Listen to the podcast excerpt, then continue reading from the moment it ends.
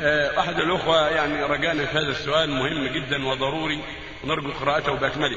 آه، سماحة الشيخ هل يجوز للإنسان أن يطلب من الصالحين أن يدعوا أن يدعو أن يدعو أن يدعون له أو أن يدعو له إذا كان يجوز فإني أطلب من فضيلتكم والحاضرين بالدعاء لي بأن يسهل الله علي حفظ القرآن وفقهني في الدين ويرزقني التأويل وينفع بي المسلمين مع الصلاح والإخلاص في القول والعمل قولوا آمين وصلى الله على محمد وعلى آله وصحبه.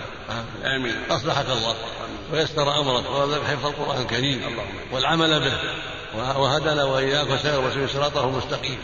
ولا بأس يجوز المسلم يقول لأخيه ادعو الله لي يا أخي ادعو الله أن يهديني ادعو الله أن يغفر لي. لا بأس. هذا لا حرج فيه. لكن ما يدعى الأموات إنما يدعى الأحياء. يقول الحي يا أخي ادعو الله لي إن الله يغفر لي ادعو الله لي أن الله يسر لي زوجة صالحة ذرية صالحة. لا بأس. أما الذهاب إلى الأموات أو دعاءهم من بعيد يا سيدي البدوي أو يا سيدي الحسين أو يا فلان انصرني أو أشفع لي هذا منكر لا يجوز هذا من الشرك الأكبر نسأل